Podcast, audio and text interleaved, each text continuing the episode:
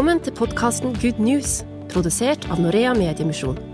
Her vil vi snakke om hvordan vi som kristne kan nå mennesker fra unådde folkegrupper som bor her i Norge, med evangeliet. Vi ønsker både å utfordre, inspirere og utruste deg som lytter, til å være et kristent vitne i møte med våre nye landsmenn. Hei, mitt navn det er Jostein Seth, og jeg er tilknyttet Norea Mediemisjon, som produserer denne podkasten. Og i Good News-poden i dag så skal vi fortsette vår serie der vi snakker med islamforsker og teolog Martin Akad. Janet Seierstad fra NLM og temesken Shibro Galla, prest i en etiopisk menighet i Oslo, bidrar også i denne samtalen. Martin Akad er fra Libanon, og han er direktør ved Arab Baptist Theological Seminary i Beirut, og blir mye brukt som foredragsholder. Og han har også skrevet en rekke bøker. Også i dagens podkast så utfordrer panelet vårt eh, vår selvforståelse som kristne nordmenn med sitt blikk utenfra. De mener f.eks. at en av de tingene vi nordmenn har vanskeligst for å gi opp, er vår individualisme, og de spør seg om dette er ett av de ofrene vi som kristne nordmenn må gjøre for å ta troen vår på alvor. De utfordrer oss også på hvordan vi gjennom våre kristne fellesskap og menigheter tar imot, eller eventuelt ikke tar imot, immigranter og innvandrere. Jeg tror jeg kan love deg at du også i dag vil bli utfordra, både på det individuelle plan og på vegne av menighet og fellesskap. Vi gjør oppmerksom på at hele denne samtalen er på engelsk. Og aller først så er det temesken Shibro Galla som utfordrer Martin Akad på hvilke råd han vil gi til kristne nordmenn i møte med fremmedkulturelle, særlig muslimer. When we talk about relationship I'm, I'm just thinking about our context here in Norway. We are extremely individualistic in our approach to, and relationship is not something, especially with the foreigners, with people whom we don't know when we feel like they are far away culturally, religiously, intellectually. Mm-hmm. Tell us how can we prepare ourselves to to meet.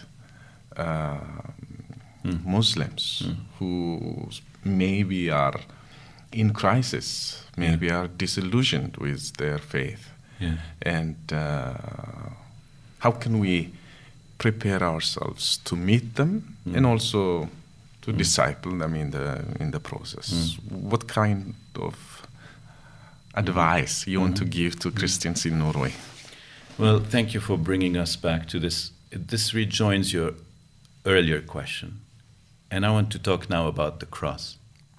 And for some who live in the Muslim world, their cross might be that they will have to lose their family as a result of their faith. And I want to suggest, and perhaps in a challenge, say that maybe for the community of faith in Christ in Norway, bearing your cross is abandoning your individualism and your um, your attachment to your privacy. That's a huge sacrifice. It's not a huge sacrifice for an Arab. All an Arab wants is to be in, in to live in community and not to feel alone.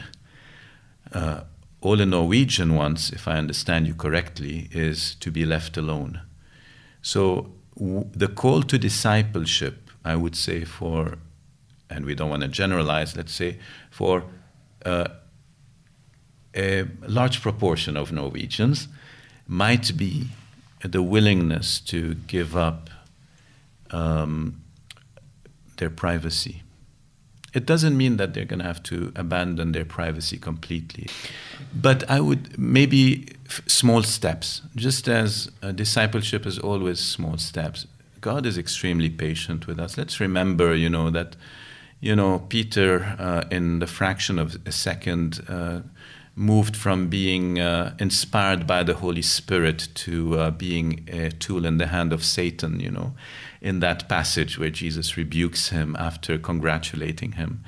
Jesus was extremely patient with his disciples. Jesus is extremely patient with us. But so let me now encourage positively and say to the Norwegian church, how willing are you to take small steps, to begin to take small steps, to open up, to lose a little bit of your privacy, a little bit of your comfort, to, uh, to practice hospitality, to grow step by step?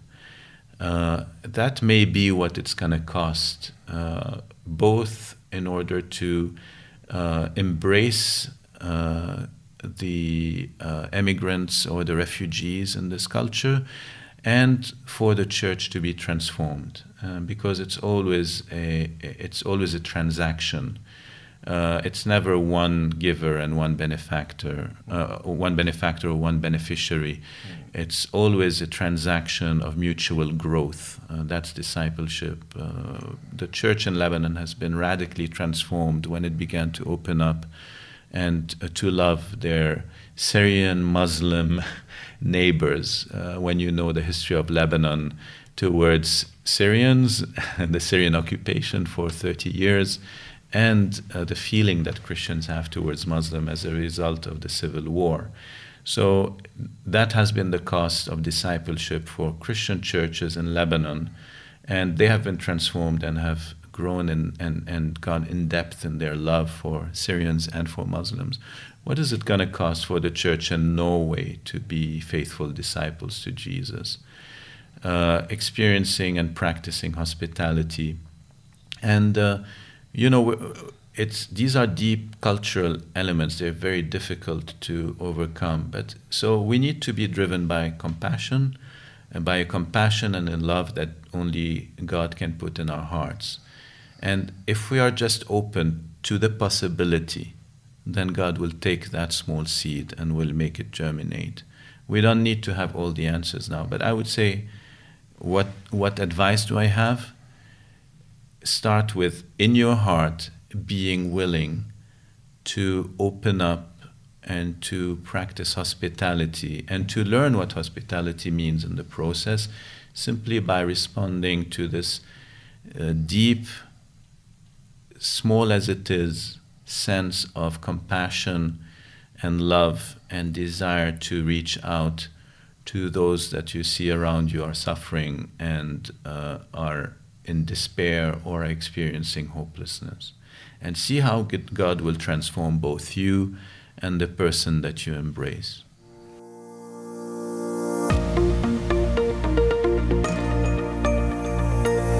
Du lytter til podkasten Good News fra Norea Mediemisjon. I just want you to go a little bit further and think about the, the community itself, mm-hmm. the church, the assemblies. Uh, what, what kind of structural change or worship content and form so that uh, these new people will feel at home, will feel more accepted? Mm. What kind of change? Well, I, I want to push back a little bit, and I want to say don't start with strategy. Don't start with structural, structural change. Start with one on one relationship. If, if a community of 100 people in a church look at uh, 10 uh, refugees in their, in their neighborhood and say, this is so overwhelming, we're going to be taken over, you know, 10% are going to become, and each one of these comes with a family of 10. Uh, so we're going to be outnumbered. How are we going to preserve what we have? If you think about it that way, it's extremely overwhelming and frightening. But if you say, uh, if you're the pastor of that church and you say, you know, which family among you would be willing to identify one refugee or one refugee family and to begin to uh, maybe make make the, a point once a week to check in, to check on them, to visit them, uh, to uh, get to know them. In fact, there's probably little material need in Norway because the government takes care of this. So what you, what the church is called to offer is, is community, and uh, and well, a, a, feeling of welcome. We we hear reports from refugees all over Europe. The greatest challenge for them is loneliness and a sense of having been uprooted. Now, this is the challenge for the church in Europe. It's not food, it's not clothing, it's not education, it's not health. Your governments are taking care of that. In, Le- in Lebanon, it's different. We are having to do the, the, these things. In Norway, your challenge is how can you uh, offer community, relationship, and a way out of loneliness and the sense of having been uprooted? How can you offer a new family? That's the challenge, but it happens also to be the huge challenge for the church in Europe uh, that is used to uh, a rapid life pace uh, and to a different kind of living out the faith. And so start with one, see how it affects your community. Then, once you manage to do this in a consistent way, find another family that's willing to uh, quote unquote adopt and check on another refugee family or individual on a regular basis see how they can uh, offer community for them, a context that, that removes the loneliness or the sense of uprootedness. Now, then see how that affects your, your faith community. Mm-hmm. And so, step by step, and then suddenly the church is going to th- say, well, you know, our worship is no longer uh, uh, adequate. We maybe need to add this element. Or the way that we are sitting needs to change a little bit or the length of our service, or the fact that we don't have lunch after the meeting. And so, so these structural, uh, methodological dimensions, aspects of the life of the church are going to impose themselves gradually, are going to become common sense after you start to be transformed. They will come out of a desire. And I'm, I'm talking from observing what has happened to the church in Lebanon. You know, also, you know, small communities, 70, 80 people, you open your doors, suddenly you have 500 people in need. How that has had a huge influence on changing uh, our buildings, our structures, our ways of worship, uh, our, uh, our, the number of services we need to have, the way that we re- relate to these communities. So these things have to come later the idea that we have to figure it out before doing the action is this sort of uh, maybe, forgive me, but maybe the Western uh, thinking that you have to strategize before taking the first step. No, take the first step and see how strategy derives from it. But what, what do we do, Martin, when, when we see that um, the introduction of of uh, different cultures into our churches challenges our cultural tradition. What do we do with that? Right, and I think I have yeah. to add to the, the question the element of fear. There's a fear of of the Christianity uh, being being watered out, but mm. really we're talking about the the culture. Yes, because which Christianity? Mm. The Christianity of uh, um, you know, a small um, Norwegian Protestant community somewhere in Norway, or the Christianity of uh, an Ethiopian Orthodox community down in uh, Addis Ababa, or uh, the Christianity of a Coptic, a Coptic monk in uh, St. Catherine's Monastery in Sinai which Christianity? And so you are absolutely right. We're talking about culture, we're not talking about Christianity. And uh, we fear to lose our comfort zones. Uh, you know, we want to build those walls, and they're beautiful to us. And the question is, how can we get rid of these walls that have become idols to us? They're beautiful because they're idols. And uh, how can we begin to knock down some of these idols? And it shouldn't happen overnight because it's too painful and we would go through existential crisis and we couldn't bear it. So this is again, you know, let's take it one step at a time. Let's act out of our compassion and out of the love that the Holy Spirit has put in our hearts. See how that gradually transforms us. How, see how our walls begin to crumble see how the things that we thought were essential to our Christianity become quite clearly cultural preferences and secondary in our life. And, uh, and see how our cultures begin to get closer together. Let's also remember that the refugee is going through a huge cross cultural crisis, and they're going also to have to accept uh, transformed culture. Just as uh, we shouldn't accept to for our culture to or our habits or traditions to remain untouched when uh, someone from a completely different culture comes into our life, uh, they shouldn't expect that as they go into a completely new culture, they're going to be able to to preserve and hold on to their traditions untouched. And there's mutuality again in this. It's a transaction, as I've said before, and and let the Christian of Norway explore and journey with the Muslim from Syria and that refugee. Let them explore and journey together and, and discover what it means for the one and what it means for the other. And I also want to, to I, I feel bad that I've been using this word refugee all the time because it's a label. And uh, a refugee is, uh, is one element that comes in as a result of crisis but it's not part of the nature, the essential nature of the person that, that's there. The pers- person coming to you is a Syrian. They might be a Muslim or they might be a Christian, and they have their traditions and culture. And uh, you journey together and discover how each is going to be transformed, and what idols are going to be destroyed in each's life, and how you are going to grow together as followers of Jesus, and uh, what how the Holy Spirit is going to uh, bring you closer together within all the diversity and difference that exists between you.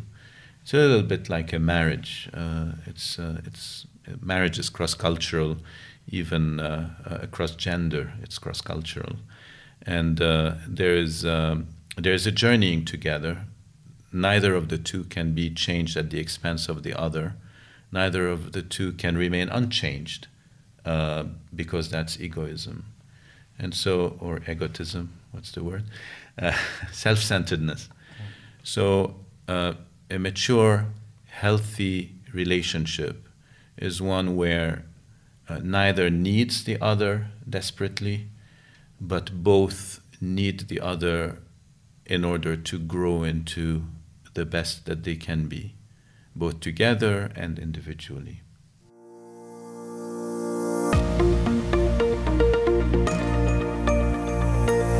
Du lytter til podkasten Good News fra Norea Mediemisjon. We are we are seeing that the Christians who are immigrating to Norway uh, are different. They're not so individualistic. They are not so secularized, and they are very open about their faith. They're very evangelizing, and so we're realizing that that is a great gift for us when when we uh, as Norwegians can often feel that our, our faith is very difficult to, to speak openly about that through many generations of secularization and such. So, Temesgen, you and I have had good conversations about how we can partner with the immigrant churches, how we can partner with the immigrants and internationals amongst us. It was one of the topics for a conference this last fall, Fellowship 2019 where we discussed that. Um, do you have any comments about uh, about uh, partnering? We have done some street evangelizing with some converts from Iran, for example, where we realize they are very equipped to do this, and it's a possibility for us to stand along beside them and to see how how uh, this possibility can can be. Partnership is uh, is a very good word because uh, it's where you recognize the gift that God has given to the migrant community in Norway, Christian migrant community, and at the same time we recognize the the rich Christian tradition here in Norway, which uh, which has its own strength in many ways, and Christianity mm. has survived especially evangelical Christianity survived the the attack that it has been receiving the last 200 years from atheists, this humanistic uh, and this rationalistic philosophies that has, and they are still holding to their ground. And uh, our Christianity is not tested in that area. We are not that strong when it comes to experiencing this um, rigorous rationalistic uh, attack. Uh, so there is a value that we learn and the kind of richness that we can uh, we can be benefit from. But as you said, there is uh, most of the Christianity that is coming from South is bold, charismatic, and uh, and people tend to share their faith and more open about it. Uh, and also when it comes to social needs, like in Arabs, we, we, we live close, very close. We, we need one another. Privacy and individualism is, is something that we have to learn.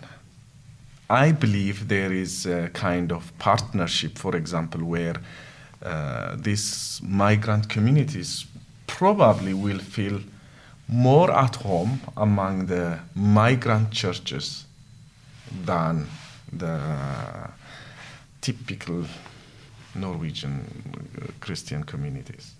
I, I, I suggest, but uh, this is uh, uh, this is not something that is tested, or uh, I'm not going to tell you from my experience. But I feel like it is much easier, and uh, culturally, the distance is not very far. Um, and as we have been talking about, people are not really against Jesus and the cross. The, the, stumbling block has been the culture, our way of doing things. So, if the cultural gap is can be crossed very easily, then uh, that can be an area of partnership.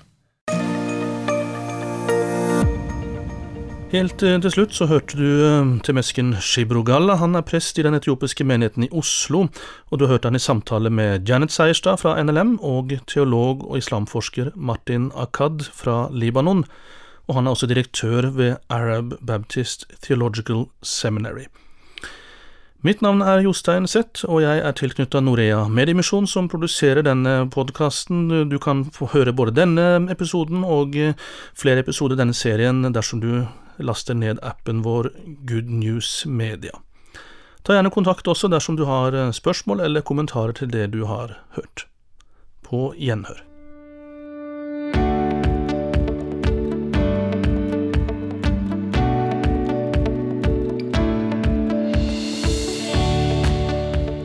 Du har lyttet til podkasten Good News fra Norea Mediemisjon. Ta gjerne kontakt med oss om du har spørsmål eller kommentarer. Send e-post til goodnews krøllalfa norea.no. Altså good news i ett ord. Krøllalfa norea.no. Et godt tips er også å laste ned appen Good News Media og kontakte oss gjennom den. Der vil du finne flere episoder i denne podkasten og masse andre ressurser.